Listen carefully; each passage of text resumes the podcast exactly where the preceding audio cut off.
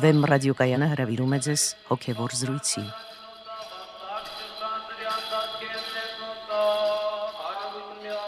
Սիրելի ունկնդիրներ, Վեմ ռադիոկայանի եթերում են արժանապատիվ Տեր Մեսրոպ Քահանա Արամյանը եւ Արա Սարգսակ Նալչաջյանը։ Այսօրվա մեր զրույցի թեման է Աստծո արդարությունն ու ողորմությունը։ Օրհնեցեք Տեր հայր։ Աստված օրհնի։ Տեր հայր քրիստոնեական վարդապետության մեջ առհասարակ կարծես կարմիր թելի նման առանձնանում են երկու եզրեր՝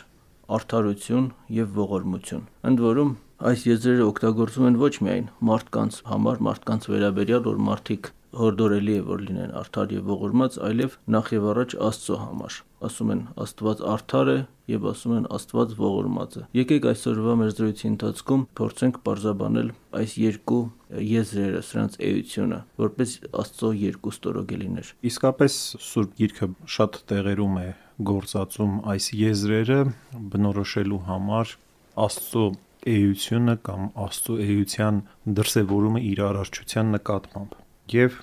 նախ եւ առաջ արդարությունը դա մի եզր է, որը իր բուն էական իմաստով բնորոշ է աստվածության, այսինքն մենք ասում ենք, որ Աստված արդար է, կամ նույնիսկ օգտագործում ենք արդարության արեգակ եզրը, այսինքն ոչ միայն արդար է, այլ նաև ամենայն արդարության աղբյուր է եւ ամենայն արդարության պատճառ է։ Եվ փաստորեն նա նաև շատ յուրահատուկ կերպով իր արդարության սկզբունքը հաստատել է արարչության մեջ եւ մարդկանցից էլ պահանջում է արդարություն եւ օրինակ առանց արդարության հնարավոր չէ պատկերացնել մարդկային կյանքը առհասարակ։ Շատ հետաքրքրական է, որ այդ պլատոնյան նույնիսկ մարդաբանական երակարկությունից եկող առաքինությունները, որոնք վերաբերում են բանական, ցասմնական եւ ցանկական ոլորտներին, որոնք են խոհականությունը, արիությունը եւ ողջախոհությունը, ուրեմն այս առաքինությունները ամբողջական չեն կարող լինել առանց արդարության։ Դրա համար կա 4-րդ առաքինությունը, որը կոչվում է արդարություն, որը ամբողջացնում է այս մարդկային 3 առաքինությունները։ Այլ կերպ ասած, մարդկային կատարելությունը հին աշխարհում անգամ դիտվել է որպես արդարություն եւ ոչ միայն մարդու ներանձնական կյանքի կատարելությունն է արդարության բնորոշվել, այլ նաեւ հասարակության այսինքն հասարակությունը առանց արդարության գոյություն ունենալ չի կարող։ Դրա համար այսպես կա արդարադատության համակարգ, որը թվում է թե պիտի, այսինքն ինչ որ ձևով այդ արդարության սկզբունքը հաստատի հասարակության կյանքում։ Եվ հենց որ դա ինչ որ ձևով խախտվում է, ինչքան էլ ուզում է հասարակությունը բարգավաճ լինի, տնտեսական աճ լինի եւ այլն եւ այլն, այդ հասարակության կյանքը դառնում է անտանելի առանց արդարության։ Տերեր, դուք նշեցիք Աստծո արդարության դրսևորումը իր արարչության հանդեպ եւ այդ օրինակները, որ բերեցիք, վերաբերում էին բնականաբար արարչական ոլորտին։ Սակայն միթե նախքան արարչությունը Աստված այդ արդարությունը ինքը չի ունեցել, այսինքն դա արդյոք Աստծո օբյեկտիվ մի հատկանիշը չէ, Աստծո ստորոգելին չէ։ Ընդհանրապես, երբ որ մենք Աստծուն տալիս ենք որոշակի անուններ, մենք պետք է զգուշ լինենք, որովհետև այդ անուններով մենք Աստծո էությունը չէ որ սահմանում ենք, այլ այն դրսևորումները, որոնք հասկանալի են մարդուն, որոնք ներգործում են մարդու վրա եւ մարդկային կյանքի մեջ էլ պետք է լինեն համապատասխան գծեր, որպեսզի դա մարդու համար ընկալելի լինի, բայց Աստծո էությունը վեր է նույնիսկ ամեն տեսակ բառային սահմանումից։ Այլ կերպ ասած, եթե արդարության այս առաքինությունը հասկանալի չլիներ մարդկային կյանքում, մենք նաև չէինք հասկանա, թե Աստծո արդարությունը ինչ բան է բայց Աստված արդարությունից էլ վեր մի բան է։ Այսինքն ուզում եմ ասել այն արդարությունը, որը մեր մարդկային մտքի համար ինչ որ ձևով հասկանալի է։ Մենք պետք է հասկանանք, որ մենք շարժվում ենք որոշակի պատկերացումներով որոշակի բառերով, բառերը դրանք սիմվոլներ են։ Մենք արտահայտում ենք ինչ որ բաներ, բայց կան արդեն սահմանային վիճակներ, որ նույնիսկ դրանք չեն կարող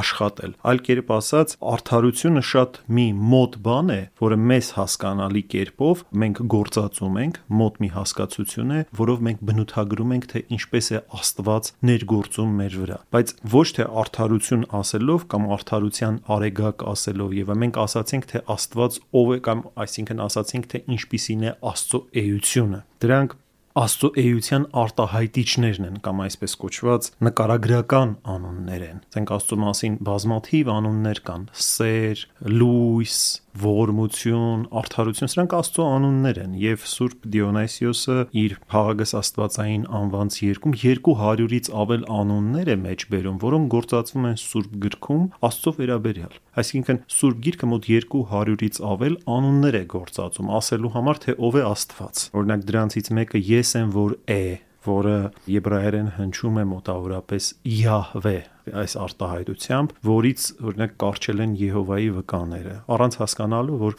դա ընդհանրապես Աստծո անուններից մեկն է, եւ ոչ թե Աստծո բուն անունը։ Այսինքն չի կարելի ասել, որ Աստծո անունը սա է, Այսինքն դրանք նկարագրական անուններ են։ Այդտիսին է նաև արդարությունը, բայց արդարությունը շատ հասկանալի մեզ համար բառ է, որովհետև դրա կարիքը մենք մարդկային կյանքում շատ ունենք կամ արարածների համար Աստծուն ամենահասկանալի կերպով կոչելը, այսինքն որպես Աստված պատվելը, նրան արարիչ ասելն է։ Նույնիսկ Աստված բառը նոր հայկազյան բարգիրքը ստուգաբանում է նույնպես որպես արարիչ աստ կամ հաստիս ածող, այսինքն այս եղական աշխարհը արարող։ Եվ շատ հետաքրքիր է, որ դա շատ նվիրական անուն է, որովհետև դու դրանով իսկապես ասում ես եւ հաստատում ես, որ այս աշխարհը արարված է Աստծո կողմից, շատ յուրահատուկ եւ որոշակի կարգավորությամբ։ Այնպես որ սրանք ուղակի այն անունների մասին, որոնցով որ մենք արտահայտում ենք Աստծո էությունը։ Եվ նույն տրամաբանությունը թերևս պետք է տարածել նաև ողորմություն եզրի վրա, այո։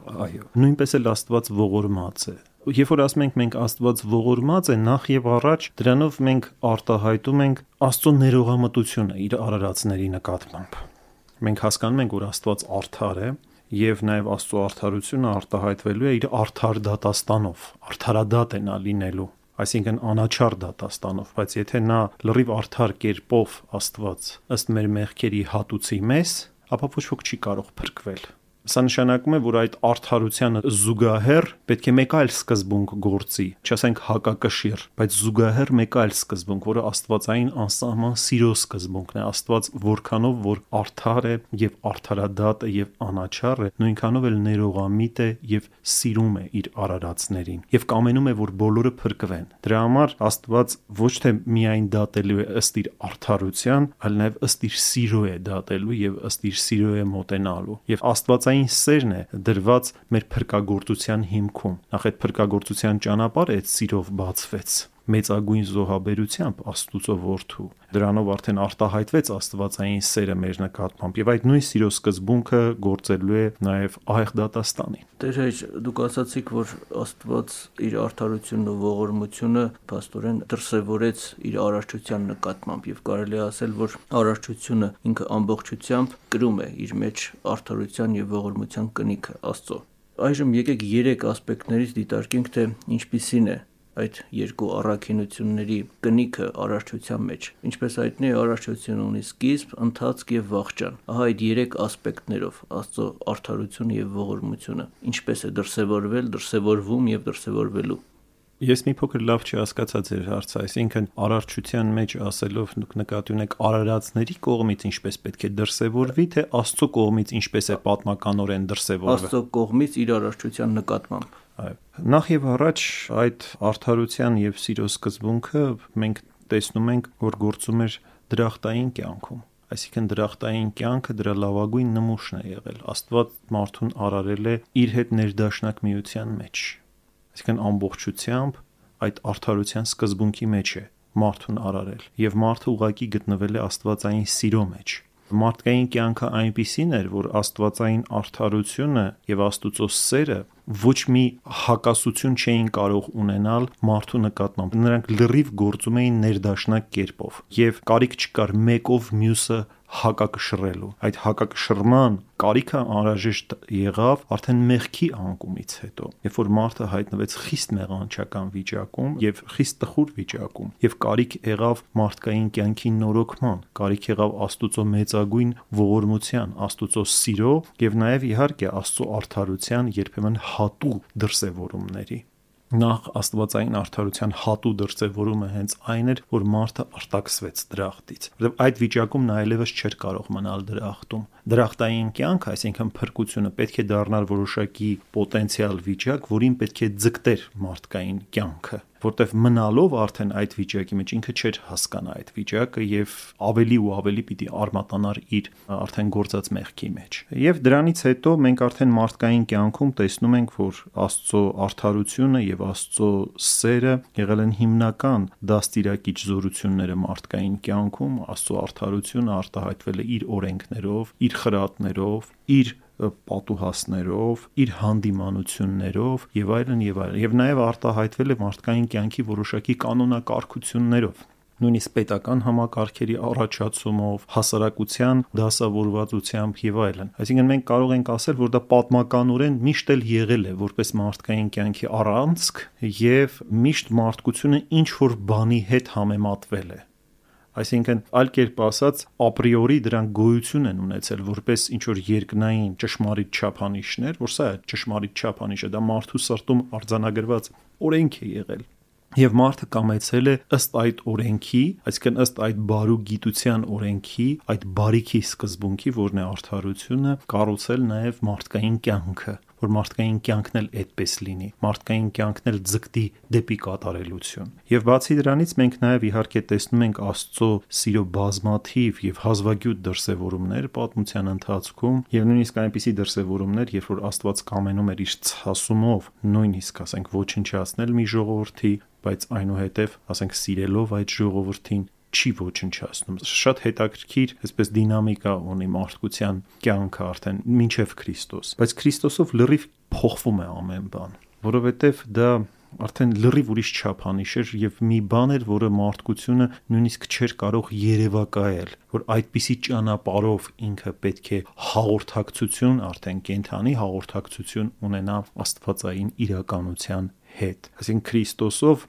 բանի մարդեղությամբ Աստծո որդու մարդացումով։ Այդ հոգեվիճակները կամ այդ ճշմարտությունները դարձան խիստ կոնկրետ եւ շոշափելի իրականություն մարդկության համար այսինքն աստվածային այդ սերը կամ աստվածային այդ արդարությունը դարձան ինչ որ առումով մարդկային բնության ներքին հատկանիշները ոչ այդ մենք կարող ենք ասել որ դրանք զորությամբ պես ներգործում էին դրսից բայց չէին աշխատում ներսից այսինքն դա մի բան էր, որ դեռ չուներ մարդկային բնությունը, երբեմն դա հպվում էր մարդկային բնությանը, երբեմն ցնցում էր մարդկային բնությունը, բայց մի բան էր, որ դեռ դա մարդը չուներ։ Մարդը կարող էր միայն դա ունենալ, երբ որ Աստված մարդացավ։ Աստծո մարդեղությունից հետո այդ արդարությունը դարձել է մարդկային կյանքի ներքին հատկանիշ, որտեղ մարդը պետք է արդեն ներքնապես արդարանա իր խորհուրդներով ասում է Աստված փառավորված է իր սուրբերի խորհուրդներում։ Սա նշանակում է, որ քրիստոնեության արդեն հիմնական կոչը ներքին մարդու վերափոխումն է։ Առանց դրա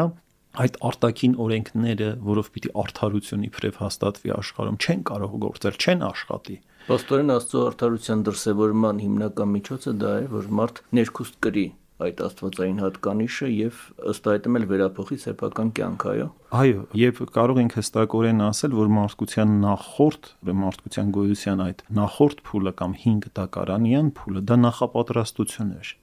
ըստ էության նախապատրաստություն էր նրա ինչ պիտի լիներ Քրիստոսով իսկ Քրիստոսի կոչը ներքին մարդուն ուղված կոչ է ներքին վերափոխության կոչ է Մենք տեսնում ենք, որ դա մի բան էր, որ գրեթե բացակայում էր հրեական միջավայրում փարիսեցիների մոտ։ Այսինքն օրենքի ամբողջ տառը կիրառվելով չկար այդ ներքին ապրումը, այդ ներքին հաղորդակցությունը Աստուծո հետ։ Դրա համար էլ Տերը զգուշացրեց, դերևս հենց դրա համար, որ ողորմություն եմ ուզում եւ ոչ թե զոհ։ Այո, Տերը բազմաթիվ անգամ մարգարեությունների մեջ սա ասում է որպես զգուշացում, բայց մենք չենք տեսնում, որ դա իրագործված է մարդկային կյանքում չենք տեսնում։ Ընթակառակը մենք տեսնում էինք, որ մարդկությունը հետս հետե ավելի էր սուզվում իր կեղծիքի մեջ, բայց դա չի նշանակում, որ մարդկության լավագույն մասը չուներ այդ սպասումը ընդհակառակը որքան որ այդ կեղծիքը զորանում էր մի կողմից այսինքն այդ արտաքին օրինապահությունը այնքան էլ սաստկանում էր այդ սպասումը որ այսպես հնարավոր չէ Դրա համար երբ որ եկավ արդեն այդ ավետարանի լույսը, ավետարանական քարոշչությունը, դա կարծես մի շատ սպասված բան էր ամբողջ մարդկության համար եւ մենք տեսնում ենք արագ թե ինչքան ժողովուրդներ լավագույն ժողովուրդներ ընդունեցին այդ ավետարանական քարոզությունը եւ դա դարձավ նրանց համար նոր կյանք եւ նոր պատմություն։ Եվ այդպիսով մարդկային ցեղի պատմությունը ընթանում է դեպի իր վաղճանը Հայր։ Այժմ փորձենք բարձաբանել, թե վաղճանի, այսինքն վերջին դատաստանի ժամանակ ինչպիսի դրսևորումներ են ունենալու Աստծո արդարությունը եւ ողորմությունը։ Այդ մասին մենք մի փոքր խոսեցինք, բայց իսկապես լրումը ամեն ինչի լինելու է Աստծո արդարությամբ եւ Աստծո ողորմածությամբ։ Բայց երբ որ մենք խոսում ենք Աստծո ողորմածության մասին կամ Աստծո սիրո մասին, պետք չէ նորից մարդկային, չգիտեմ, շատ հումանիստական, այսպես սրտաճմլիկ մոտեցումներով մենք այս հասկացություններին մոտենանք, զորաբար աշխարհը հենց այդպես էլ մոտենում է։ Աստված ասում է ոնց կարող է մարդկանց ժողքի արժանացնել կամ ոնց կարող է մարդկանց պատժել, եթե Աստված սեր է։ Շատ ենք լսում այսպիսի արտահայտություններ։ Այսինքն մարդիկ Աստծո մասին խոսում են, կարծես թե շատ լավ գիտեն, թե ով է Աստված բայց իրականության մեջ Աստծո սիրո եւ Աստծո արդարադատության միջև չկա ոչ մի հակասություն։ Չկա եւ նույնիսկ կարող ենք ել ավելի մի զարմանալի պնդում անել, որ առանց Աստծո արդարության Աստվածային սերը պատկերացնել հնարավոր չէ։ Չկա այդպիսի սեր։ Չկա այդպիսի սեր, որը չի ձգտում ազատագրվել անմաքրություններից։ Այսինքն չի կարելի ամեն ինչ դնել մի հարթության վրա եւ ամեն բան իրար հետ լղոզել։ Եվ դրա համար Աստվածային սիրո ներողամտությանը զուգընթաց պետք է լինի նաև զատորոշման սկզբունք։ Այսինքն այն անդամը, որը որ պետք է ապականի ամբողջ զանգվածը, եթե անդամը փտում է, պետք է անպայման այդ անդամը կտրես չես կարող թողնել, որտեվ ինքը վարակելու է ամբողջ զանգվածը։ Պաստորեն դա արդարության պահանջն է։ Այո, այսինքն անպայման սերը պետք է ունենա նաև հատու դրսևորումներ, արդարության հատու դրսևորումներ։ Դրանք, որոնք այլևս վերջնականապես անպետք են եւ մոլորված են իրենց չարության մեջ եւ չեն ուզում դուրս գալ իրենց կուրությունից։ Ես նկատի ունեմ գիտակցաբար եւ ոչ թե անգիտակցաբար։ Այսինքն, որոնք գիտակցաբար են կանգնում չարի մեջ, նրանց նկատմամբ պետք է Աստծո այդ հատու սկզբունքը արդարության որոշակի կերպով գործի։ Էնպես որ այս երկուսը առանց մեկ-մեկու պատկերացնել հնարավոր չէ եւ իրենք էապես փոխ լրացնում են, այսինքն արդարությունը լրացնում է աստվածային սերը եւ աստվածային սերն էլ լրացնում է արդարությունը։ Այսինքն հնարավոր չէ պատկերացնել արդարություն կամ արդարադատություն առանց սիրո դա կլինի մեծագույն դաժանությունը ոչ միայն Աստծո կողմից, այլ նաև մարդկային կյանքում շատ դեպքեր կան մարդկային կյանքում, որ ոչ թե պետք է ըստ արդարության մոտենաս, այլ ներողամտությամբ, սիրով պետք է մոտենաս, որտեղ ուրիշ լուծում չկա։ Եվ միայն այդ դեպքում դու կարող ես նպաստել, որպեսի մարդը գնա դեպի փրկություն, որպեսի մարդը որոշակի ճշմարտություններ հասկանա։ Սուրբ Գրիգոր Տաթևացին հետաքրքիր դատողություններ է անում արդարության եւ ողորմության մասին, աստվածային, այսինքն արդարության եւ ողորմության։ Ասում է. ողորմությունը ծրի շնորով եւ պարգևներով է, իսկ արդարությունը հատուցում է եւ турք, որը տրված է փոխարեն, այսինքն ինչ որ բանի փոխարեն։ Եվ ասում է, որ վերջին դատաստանի ժամանակ այն հանգամանքը, որ Աստված այդ զատարոշումը դնելու է բարիների եւ չարերի միջև եւ բարի գործերի փոխարեն բարիք է հատուցելու եւ չար գործերի փոխարեն չարիք, ասում է դա բնորոշ է նրա արդարությանը, իսկ այն, որ բարիքը հատուցելու է առավել քան արժանն է եւ այդ պատոհասները, որ բերելու է առավել սակավ քան արժանն է, դա ասում է նրա ողորմության դրսևորումն է։ Պաստորեն յուրաքանչյուր մարդկային գործի համար պահված են այս երկու հանգամանքներ՝ արդարություն եւ ողորմություն։ Եվ ի տարբերություն աշխարհիկ, այսպես ասած, դատաստանների Աստվածային դատաստանը, եթե կարելի է այսպես ասել, ոչ մեկի կողմից չի բողոքարկվի ոչ մեկի կողմից, եթե կարելի է այսպիսի եզր օգտագործել, որովհետև որևէ մեկի մոտ կասկած չի լինելու, որ դա է ճշմարտությունը, որովհետև ամեն մեկը ըստ էության ինքն է իր կյանքում իրեն դատապարտում դատապարտության այդ վճիրը ինքը իր մեջ արդեն կայացրել է իր գործերով եւ ինքը կտեսնի որ այն ինչի որ ինքը արժանանում է դա անհամեմատ նույնիսկ ավելի թույլ է, քան ինքը պատկերացնում էր։ Այսինքն յուրաքանչյուր մարդ նույնիսկ իր դատաստանով մեկ անգամ եւս ճաշակելու է Աստծո անսահման սերը։ տեսնելու է, որ Աստված անհամեմատ ավելի սիրով մոտեցավ իրեն, այսինքն այդ մարդուն, քան ինքն իր նկատմամբ էր։ Եվ յուրաքանչյուր մարդ իր կյանքում իր գործած գործերով արդեն ինքը որոշակի կերպով իր դատավճիռն է գրում իր հոգու խորքում։ Աստված ուղակի իր հոգու խորքից հանելու է այդ դատավճիռը ու ցույց է տալու այդ մարդուն։ Ու նորից մեծագույն ողորմություն է դրսևորելու այդ մարդու նկատմամբ։ Այսպես է, որովհետև եթե Տերը ասում է, որ երկնքի արխայությունը ձեր ներսում է, սա նշանակում է դա արդեն մի վիճակ է, որը մարդը այս կյանքից է ձեռք բերում այս կյանքում արդեն ինքը ներհաստատվում է այդ երկնքի արխայության իրողության մեջ։ Եթե երկնքի արխայությունը մեր մեջ է, սա նշանակում է, որ դժողքն էլ արդեն մարդկային կյանքի մեջ է։ Եվ եկեղեցու հայրերը ասում են ամենամեծ տանջանքը դժողքի լինելու է այն, որ մարդը կտրված է լինելու Աստուծո լույսից։ Դրանից ավելի մեծ չարչարանք հոգու համար գոյություն չունի։ Տերը Աստված առավել արդար է թե ողորմած Այդպիսի մենք համեմատական, նորից եմ ասում, անալիզներ չենք կարող Աստծո մասին անել, որ Աստված ավելի այսպիսին է, թե ավելի այսպիսին է, նայած խոսքը ինչին է վերաբերում։ Այսինքն որտեղ որ պետք է Աստված արդար է, որտեղ որ պետք է Աստված ողորմած է։ Եվ սրանք միշտ երկուսը միասին են գործում, որպես երկու կարևոր լծակներ մարդկային կյանքի համար Մարդկային կյանքի հիմնական մոդելը, որը շատ նման է նաև Աստված արարչություն մոդելին, թերևս պետք է համարել ընտանիքը, որտեղ ծնողները հանդես են գալիս կարծես որպես Աստծո փոխանորդներ եւ զավակները որպես աստվածային այդ սերը, խնամքը, ազդեցությունը կրող անձեր եւ մանավանդ ծնողներից հայրը։ Փորձենք եւս ակնարկային ձևով անդրադառնալ այն հարցին, թե ողորմության եւ արդարության առաքինությունները ինչպիսի դրսևորումներ են գտնում ընտանիքում կամ պետք է գտնեն։ Սա շատ հետաքրքրական պատկեր է, որովհետև դրանով, այսինքն շատ բաներ կարող են հասկանալի դառնալ։ Իսկապես հայրը ինչ որ առումով արտապատկերն է Աստծո ներկայության ընտանիքում։ Ես նկատի ունեմ նորմալ, իհարկե քրիստոնեական ընտանիքը եւ մենք տեսնում ենք, որ երեխայի դաստիարակության պարագային շատ կարևոր է, որ հայրը եւ լինի ներողամիտ, բայց երբեք չչարաշահի ներողամտություն։ Այսինքն պարագաներ կան, որ պետք է անպայման երեխային սաստես։ Իհարկե այդ սաստն էլ չպետք է լինի որպես բարկության դրսևորում, այլ պիտի ներքնապես սեր պարունակի, այլապես նորից եմ ասում, երեխան չի փոխվի։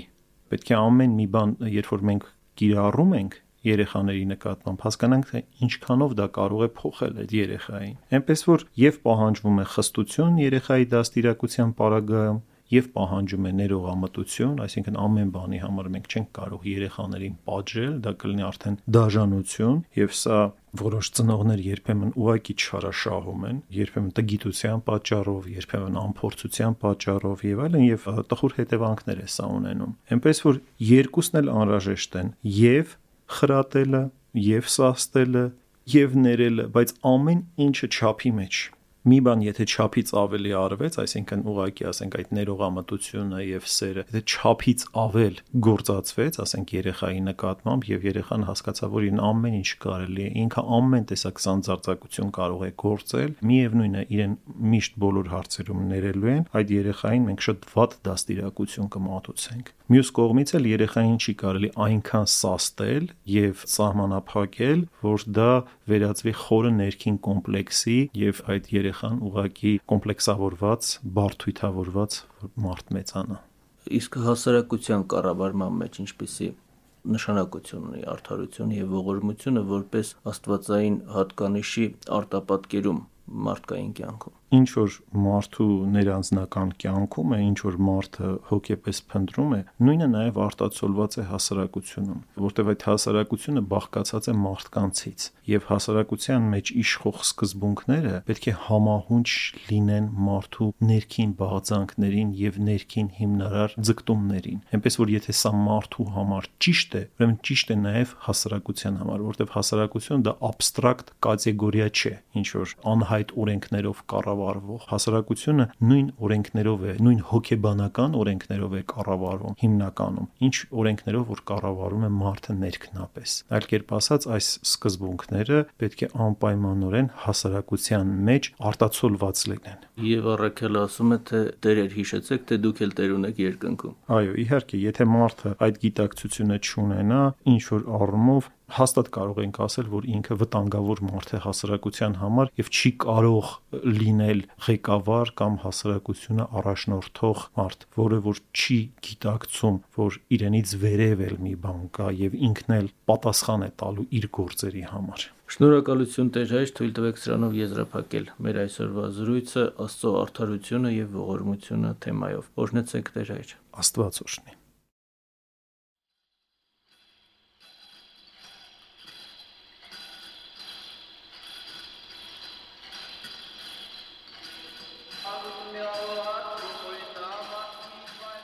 Հոգևոր զրույցներ հաղորդաշարի հերթական հաղորդումը